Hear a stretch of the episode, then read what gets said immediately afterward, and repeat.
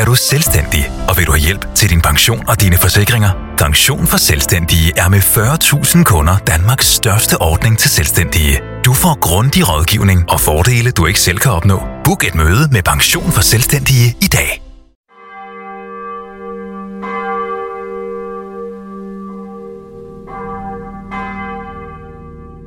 Der boede knap 900 sjæle i sognet Knudby i Sverige i starten af 2004.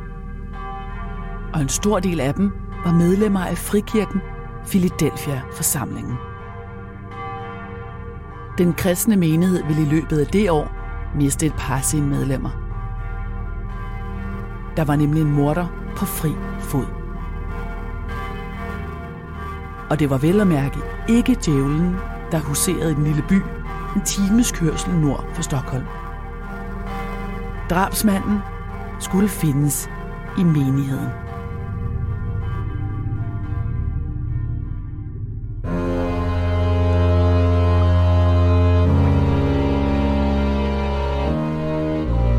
Du lytter til Mor i Nord, en podcastserie om nogle af de mest opsigtsvækkende drabsager fra Danmark, Sverige, Norge og Finland.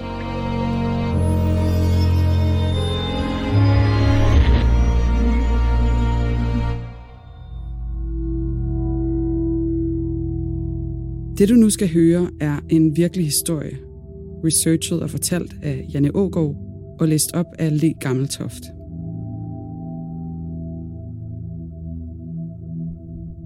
Dette er en genfortælling af sagens fakta, som de har været gengivet i andre medier. Nogle detaljer er udladt, ligesom vi her afholder os fra at tage stilling. Det har retssystemet gjort. Men du skal være forberedt på, at det kan være voldsomt at lytte til, ikke mindst fordi det handler om rigtige menneskers liv og død.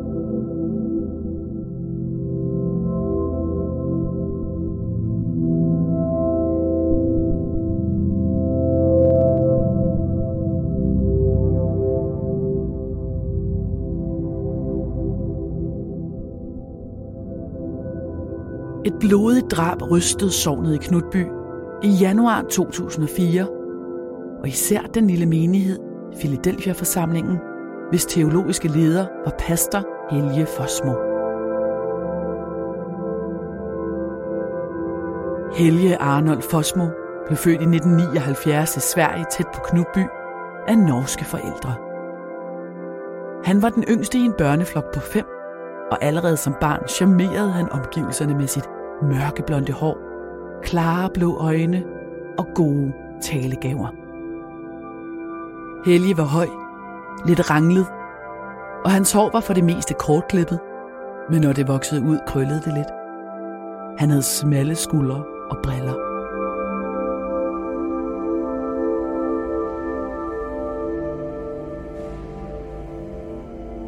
Som ganske ung blev han forelsket i kristendommen, især den svenske missionskirke, hvor han blev døbt som 11-årig efter eget ønske.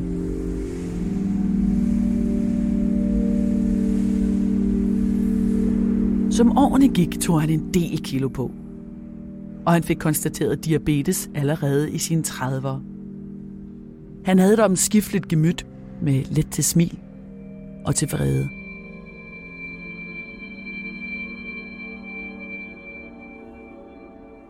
Som bare 17-årig mødte han sit livs kærlighed og kommende hustru, Helene Johansson, som delte hans passionerede tro. Philadelphia-forsamlingen var en udbryder af den evangeliske pinsebevægelse.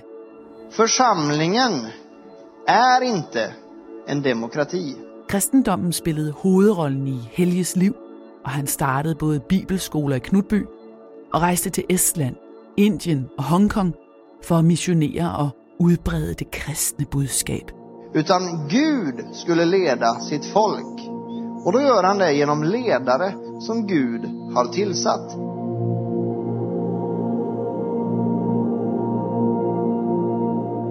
Helge var karismatisk og holdt ukontroversielle prædikener om sex, samtidig med at han forkyndede, at kvinderne i forsamlingen skulle adlyde deres mænd, uden at stille spørgsmål. I sognet Knutby var han en af seks pastorer. Menigheden i den lille og ganske indspiste by med de indviklede familietræer kunne ofte høre Helge tale i tunger. I præstehjemmet var Helge også det ubetingede overhoved. Helge og Helene blev gift i 1994 og fik hurtigt tre børn inden for fem år. Helges nærmeste kollega hed Åsa Valdov, og de var tæt forbundne i troen. Åsa selv var ikke gift. Hun plejede at sige, at hun var forlovet med Jesus. Og hun fik derfor tilnavnet Kristi Brud. Hendes prædikener handlede altid om synd, om død, og der blev hyppigt talt om sex i søndagens brandtaler. Det var Åsa, der hjalp familien med at skaffe en barnepige. Valget faldt på den unge, blonde og blåårede Sara Svensson, der ligesom familien var dybt religiøs og beundrede Helge uforbeholdent. Ugen inden jul ramte tragedien familien Fosmo for første gang. Den 18. december 1999 kunne Helge ikke finde Helene, og han opdagede, at døren til badeværelset var låst. Han bankede på døren, men der kom ikke noget svar derindefra. Til sidst fik han med hjælp fra en nabo brudt døren op. Helge fandt sin 27-årige hustru død i badekarret med et blødende sår i tændingen. Obduktionen afslørede store mængder smertestillende opiater i hendes blod. Politiet bedømte hendes død som en ulykke og konkluderede, at hun var faldet i badet, havde hamret hovedet mod blandingsbatteriet i badekarret og var druknet.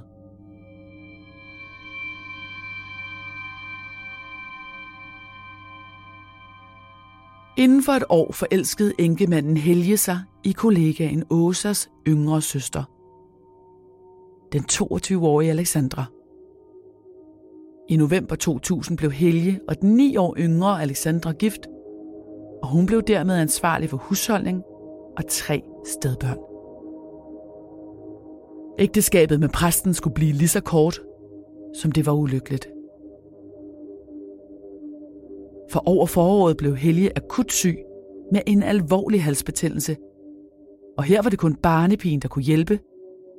Det var Sara, der kørte ham til akutmodtagelsen. Og det var Sara, der kunne holde dæmonerne væk ved at dele pastorens seng. Helge blev ofte grebet af en indre uro, og den eneste måde at bekæmpe dæmonerne på var gennem orgasme. Dæmonerne var så stærke, at der skulle mere end en elskerinde til at bekæmpe dem. I efteråret 2003 indledte Helge en affære med nabokonen. Affæren med nabokonen forhindrede ikke Helge i fortsat at gå i seng med Sara. De mange måneder, hvor Sara passede Helge under hans sygdom, skabte et nært bånd mellem dem. Helge fortalte ofte om Guds vilje og om hvad Sara burde gøre for at glæde Gud. Hmm. Sara begyndte at modtage mystiske sms-beskeder fra et ukendt nummer. I beskederne stod der blandt andet, at Alexander burde dø. Sara modtog beskederne i månedsvis, ofte mange gange dagligt. Hun forstod det som om, at beskederne indeholdt budskaber fra Gud. Og en tidlig novembermorgen tog hun en hammer fra værktøjskassen og angreb Alexandra. Det var dog et halvhjertet forsøg. Alexandra afværgede nemt hendes slag og slap med forskrækkelsen. Helge og Alexandra så angrebet som en vildfarelse, og de sendte den sindsforvirrede barnepige til hjembyen Vakkerud for at komme til hægterne.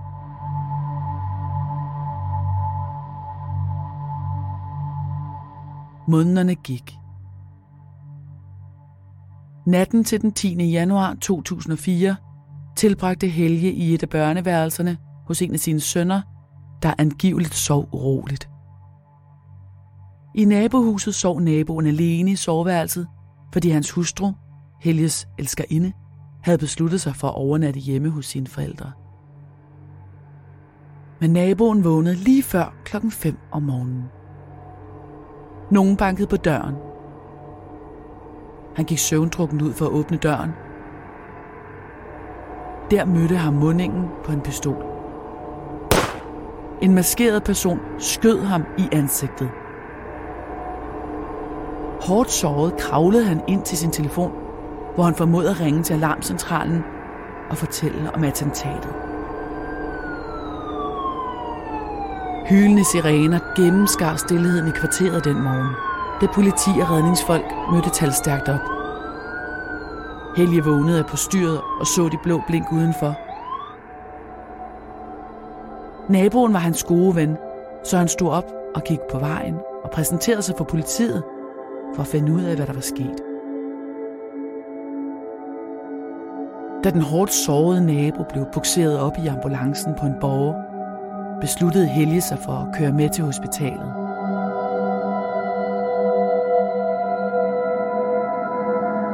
To timer senere ringede Helge fra hospitalet til en kvindelig nabo og bad hende kigge ind til sin hustru og sine børn. Her blev Alexandra fundet død i sengen, skudt flere gange med en revolver kaliber 38. Først to gange i hoften, og derefter to gange i hovedet. Der var blod overalt i sengen. Den forfærdede nabokone slog alarm, og der blev hurtigt tilkaldt en særlig indsatsstyrke fra politiet, der skulle sikre huset. Heldigvis var børnene uskat, men politi og redningsvæsen var massivt til stede i og omkring huset hele dagen. Vi har opfyldt et ønske hos danskerne, nemlig at se den ikoniske tom skildpadde ret sammen med vores McFlurry. Det er da den bedste nyhed siden nogensinde. Prøv den lækre McFlurry tom skildpadde hos McDonald's. Helge blev først afhørt af politiet på sygehuset, da han ankom tidligt om morgenen med sin nabo, der var blevet skudt i ansigtet. Blot et par timer senere ankom politiet til hospitalet for at fortælle ham, at Alexander var blevet fundet skudt og dræbt i sin seng. Helge virkede underlig rolig. Måske var han stadig i chok over de voldsomme begivenheder. Det stod klart for politiet, at den bortviste barnepige Sara var den oplagte gerningskvinde. Især efter angrebet på Alexandra få måneder forinden. Helge antydede, at barnepigens jalousi kunne være motivet. Allerede dagen efter drabet blev Sara afhørt, og her tilstod hun med ordene. Det er mig, som har gjort det. Jeg. Alene.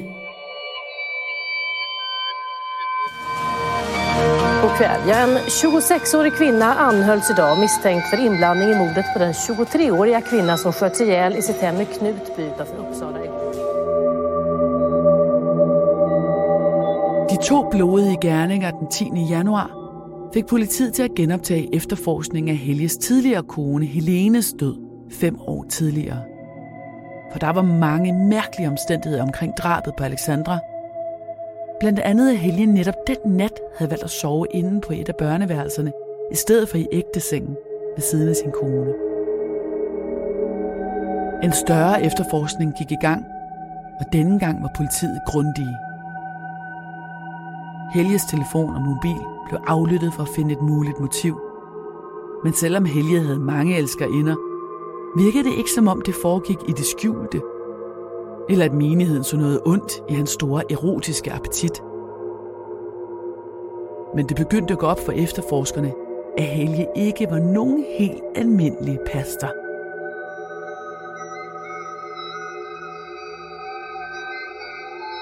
Blandt andet lagde Helge ikke skjul på, at hustruens død havde kostet ham mange penge.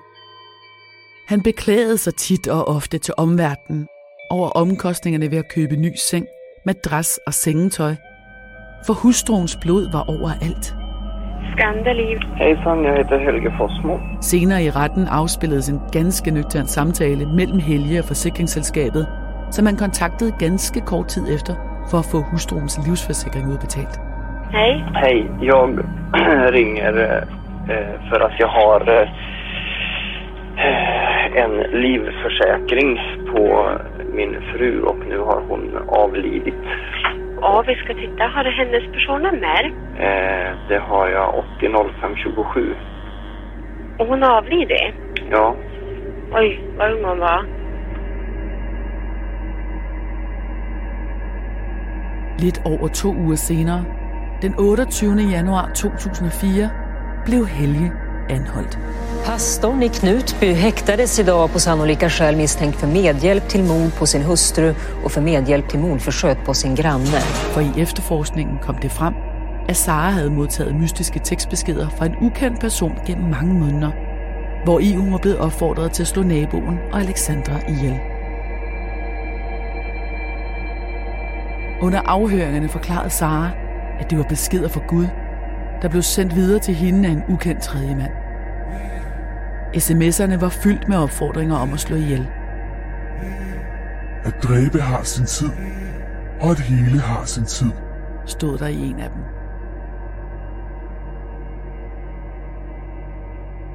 Teleoplysningerne viste med tydelighed, at ophavsmanden til sms'erne ikke var Gud, men snarere pastor Helge.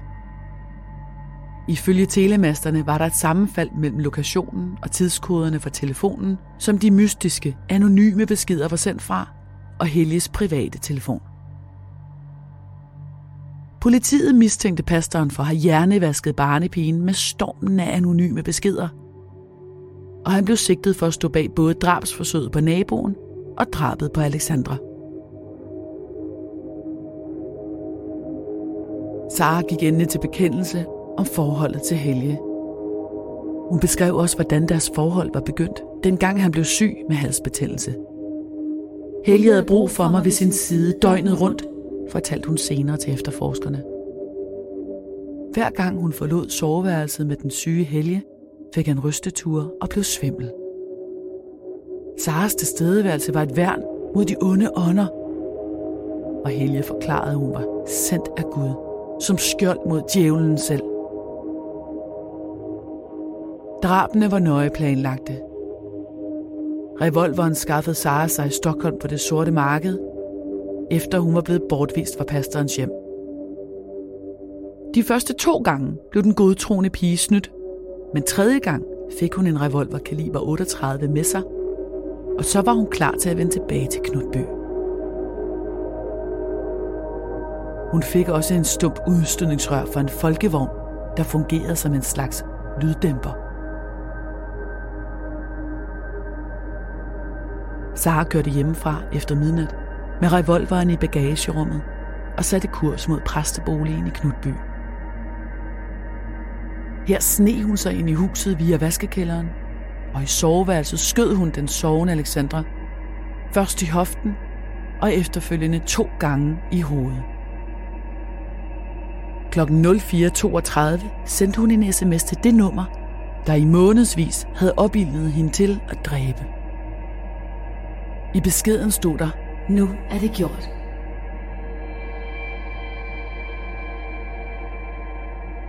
Sara efterlod sig et blodbad i pastorens soveværelse og satte derefter kurs mod nabohuset, hvor hun skød sit næste offer i ansigtet. Efter skuddene løb Sara derfra, fandt tilbage til sin bil og kørte retur mod Stockholm.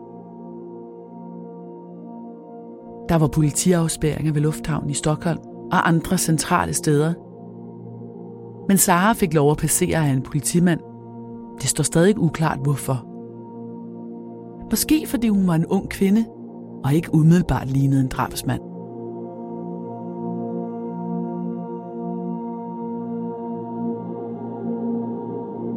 Helge nægtede al kendskab til drabene og kaldte det for en gal kvindens gerning men de mange sms'er viste noget ganske andet. Derefter blev Helge tiltalt for anstiftelse til drab på Alexandra og på naboen. Oveni kom en tiltale for drab på hans første hustru, Helene. Anklageskriftet mod Sara inkluderede både drab og medvirken til drab, baseret på hendes detaljerede tilståelse af ugerningerne. Den 18. maj, blot fire måneder efter drabet, nåede sagen byretten i Uppsala. De svenske medier flød over med detaljerede beretninger fra frikirkens medlemmer om de mange seksuelle intriger og diskede op med overskrifter som Barnepigen skrev porno, pastoren krævede erotiske noveller på mobilen. Philadelphia-forsamlingen blev kaldt en sekt, og pastor Helge Fosmo, djævelens disciple. På trods af den detaljerede planlægning, blev Sara Svensson set som et offer, der var blevet manipuleret på groveste vis. Hun blev idømt psykiatrisk behandling, og i 2010 blev hun løsladt. Hun har ikke siden været i politiets søgelys og lever stadig som kristen. Dommerne var knap så nådige over for Helge. De forkastede hans forklaring om barnepigen som en sindssyg, jaloux stalker, og idømte ham livsvarigt fængsel.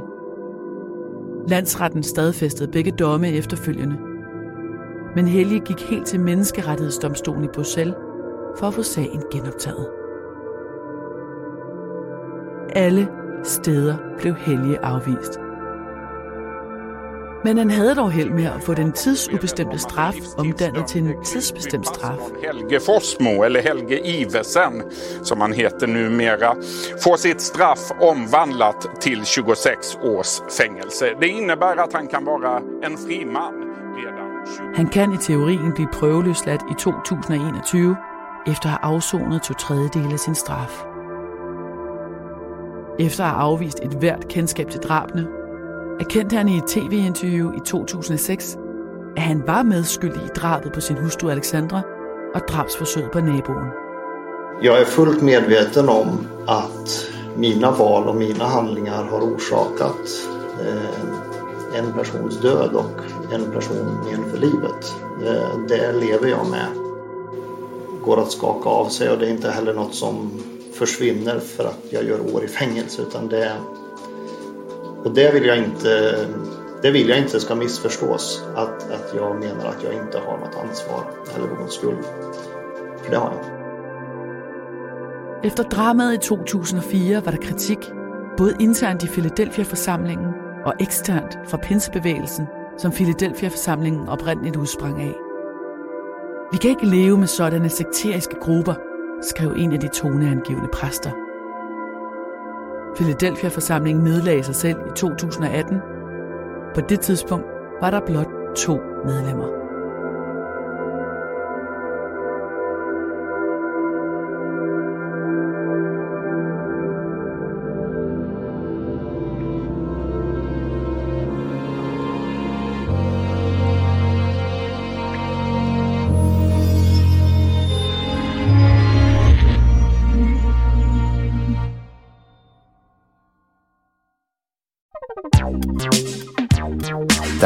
Kommet et nyt medlem af Salsa Cheese Klubben på MACD.